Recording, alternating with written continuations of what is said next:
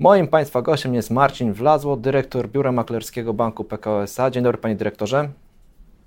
Dzień dobry Panu, dzień dobry Państwu. Panie Dyrektorze, będziemy rozmawiać oczywiście o inwestycjach, jak to w Biurze Maklerskim, ale nie tych związanych z rynkiem polskim, ale z rynkami zagranicznymi. Czy Polacy już na dobre przekonali się do tego, żeby inwestować na zagranicznych parkietach?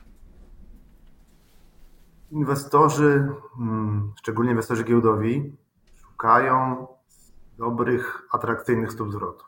I szukają rynków, gdzie te stopy zwrotu mogą osiągać. I y, już jesteśmy w, takim, na taki, w takich czasach, gdzie rynek polski nie jest odosobnionym rynkiem, tylko patrzymy już globalnie na inwestycje, dywersyfikację portfela i, i róż, różne rodzaje instrumentów finansowych, ale i różne obszary geograficzne, więc zdecydowanie tak, polski klient i indywidualny, instytucjonalny już od dawna, ale indywidualny poszukuje również atrakcyjnych inwestycji poza Polską i zarówno rynków, jak i atrakcyjnego dostępu do tych rynków. Więc i instrumenty typu ETF-y, fundusze pasywnie zarządzane, fundusze aktywnie zarządzane i bezpośredni dostęp do rynków również.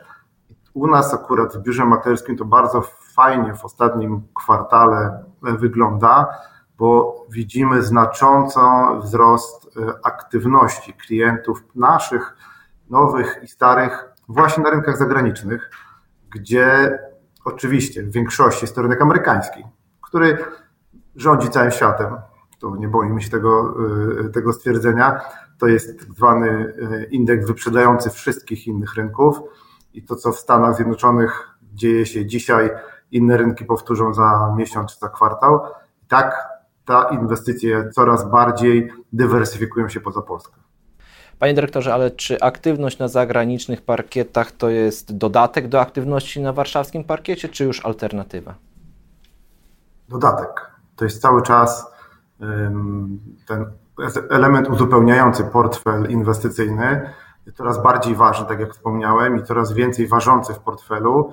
Y, jednak polski inwestor to jest w większości inwestor złotówkowy, czyli inwestor, który tu lokalnie próbuje mm, uzyskać stopę zwrotu z najróżniejszych aktywów, obligacji Skarbu Państwa, obligacji detalicznych, hurtowych, akcji i rynki zagraniczne są uzupełnieniem portfela coraz większym i coraz bardziej atrakcyjnym z perspektywy dywersyfikacji, ale cały czas dodatkiem. A czy można coś zrobić? Czy wy na przykład jako pośrednicy możecie coś zrobić, żeby te rynki zagraniczne jeszcze mocniej przybliżyć? Oczywiście. W naszym biurze maklerskim udostępniamy klientom dostęp do 20 rynków zagranicznych. Obniżyliśmy w tym kwartale opłaty właśnie, żeby klientowi, który jest zainteresowany, ale przez no, bardzo słabe wyniki mm, rynków kapitałowych, rynków giełdowych w tym roku odszedł od inwestowania, schował się i żeby przeczekać te trudne czasy, bo pamiętajmy, że klient indywidualny na tak dużych przecenach chowa się. No, boimy się, emocje rządzą nami, emocje rządzą naszymi inwestycjami, szczególnie jeśli robimy to sami. E, I chcieliśmy tego klienta na nowo zaprosić do e, spojrzenia na rynki zagraniczne e, i taki dostęp za no, promocyjny, po promocyjnych stawkach wykorzystują właśnie coraz bardziej intensywnie nasi klienci. Więc klient dostaje rynek, dostaje dostęp do rynku w aplikacjach mobilnych, e, tak żeby z każdego miejsca w Polsce miał możliwość jak najłatwiejszego dostępu. I klient z tych, z tych, z tych okazji korzysta oczywiście. A czy widzi Pan dzisiaj jeszcze jakieś bariery, które faktycznie są barierami z punktu widzenia inwestorów indywidualnych, takie organizacyjne, czy jest, tak, czy jest to jednak głównie bariera taka mentalna, żeby trochę szerzej spojrzeć na inwestycje niż tylko na GPW? Operacyjno-organizacyjne raczej nie, bo to jest właściwie podobny poziom skomplikowania co inwestycje na giełdzie papierów wartościowych.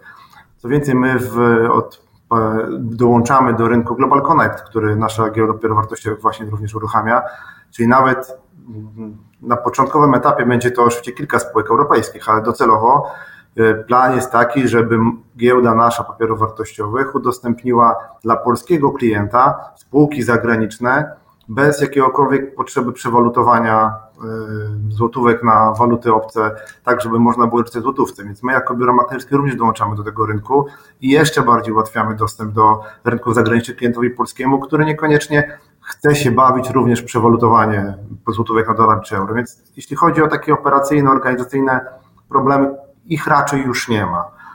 Trudniej jest, mm, albo inaczej, powiem odwrotnie jesteśmy specjalistami od naszego własnego rynku.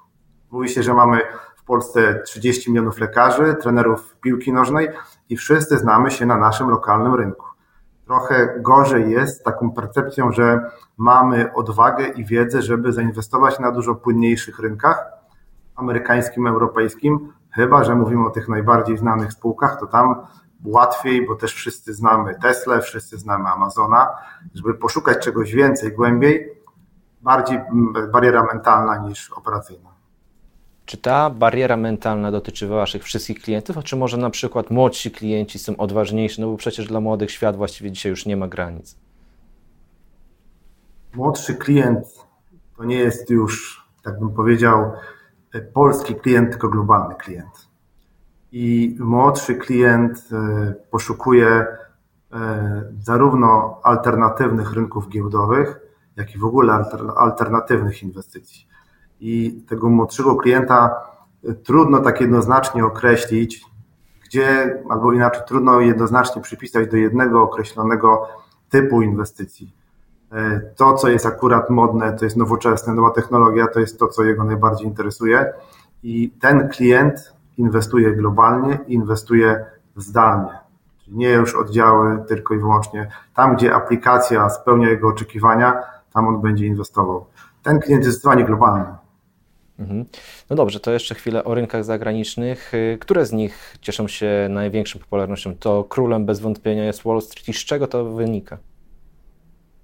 Y, giełda amerykańska jest, tak jak wspomniałem już wcześniej, takim wyprzedzającym czynnikiem, wyprzedzającym rynkiem wszystkie inne globalne. To, co się dzieje, efekt motyla, to, co się dzieje na giełdzie amerykańskiej, po jakimś czasie odzwierciedla się właściwie w mniejszym bądź większym stopniu na e, większości innych giełd. To jest giełda, gdzie jest największa płynność. Gospodarka amerykańska, największa gospodarka świata, ona również jest takim e, leading indykatorem dla innych gospodarek. Mamy Bank Centralny, Federa, Rezerwa Federalna, która też wyznacza pewien kierunek w nastroju postrzeganiu rynków, rynków finansowych, rynków kapitałowych, a decyzje Banku Centralnego Amerykańskiego i Europejskiego ostatnio były bardzo e, agresywne i bardzo mm, symptomatyczne, gdzie jasno pokazują, że dopóki nie będzie zrobiona e, robota z walce z inflacją, to nie zatrzymają się swoimi działaniami, a tym samym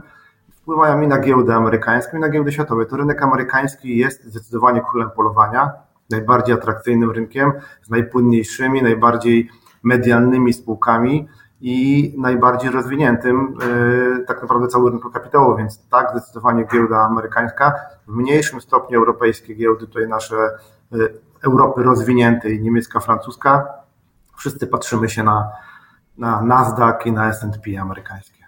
Jeszcze za chwilę do Nasdaqu i S&P wrócimy, ale jeszcze w, kontekście Waszej oferty, bo Wy macie w ofercie kilkanaście rynków zagranicznych. Czy faktycznie jest potrzeba mieć aż taką bogatą ofertę, czy na przykład te bardziej egzotyczne, oczywiście z punktu widzenia inwestycyjnego, rynki cieszą się jakąś popularnością?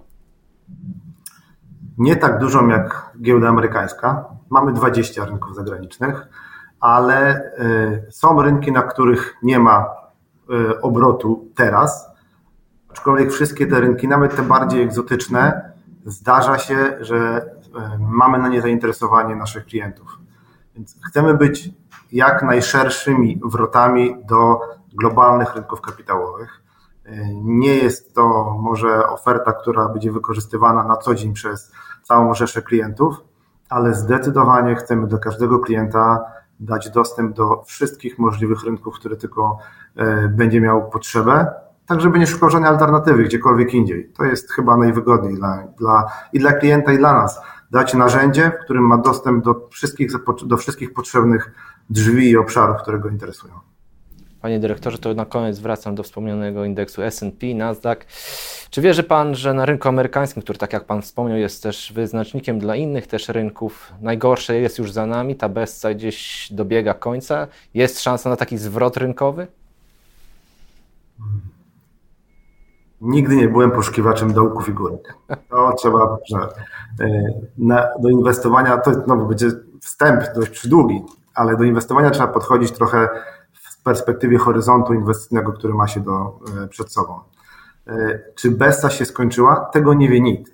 Patrząc na procesy, które są w gospodarce, zachodzą w gospodarce, inflacja, na którą tak czekaliśmy przez ostatnie 20 lat, ale oczywiście zaskoczyła nas, tak jak zima zawsze zaskakuje drogowców, e, porównujemy ją do inflacji sprzed 40 lat, lat 80., gdzie też mieliśmy spowolnienie inflacji i zaczynamy trochę przypisywać obecną sytuację do sytuacji z lat 80 wtedy e, jakby gdyby przyłożyć tak jeden do jednego tamtą sytuację na dzisiaj, to sam dołek giełdowy powinien być gdzieś za około pół roku, ale ten dołek może nie być już dużo głębiej niż jesteśmy teraz.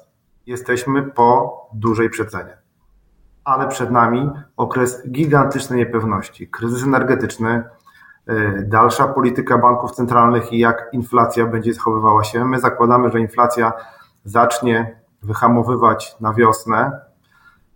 Banki centralne, e, pomimo tego, że mówią, że dopóki nie zakotwiczą ponownie inflacji, oczekiwań inflacyjnych na poziomie średnioterminowym, horyzoncie czasowym, na poziomie celów banków centralnych, będą dalej walczyły agresywnie z inflacją, to podwyżki, które są przed nami, już nie są tak bardzo wychodzące poza oczekiwania, które obecnie są wpracowane w rynku.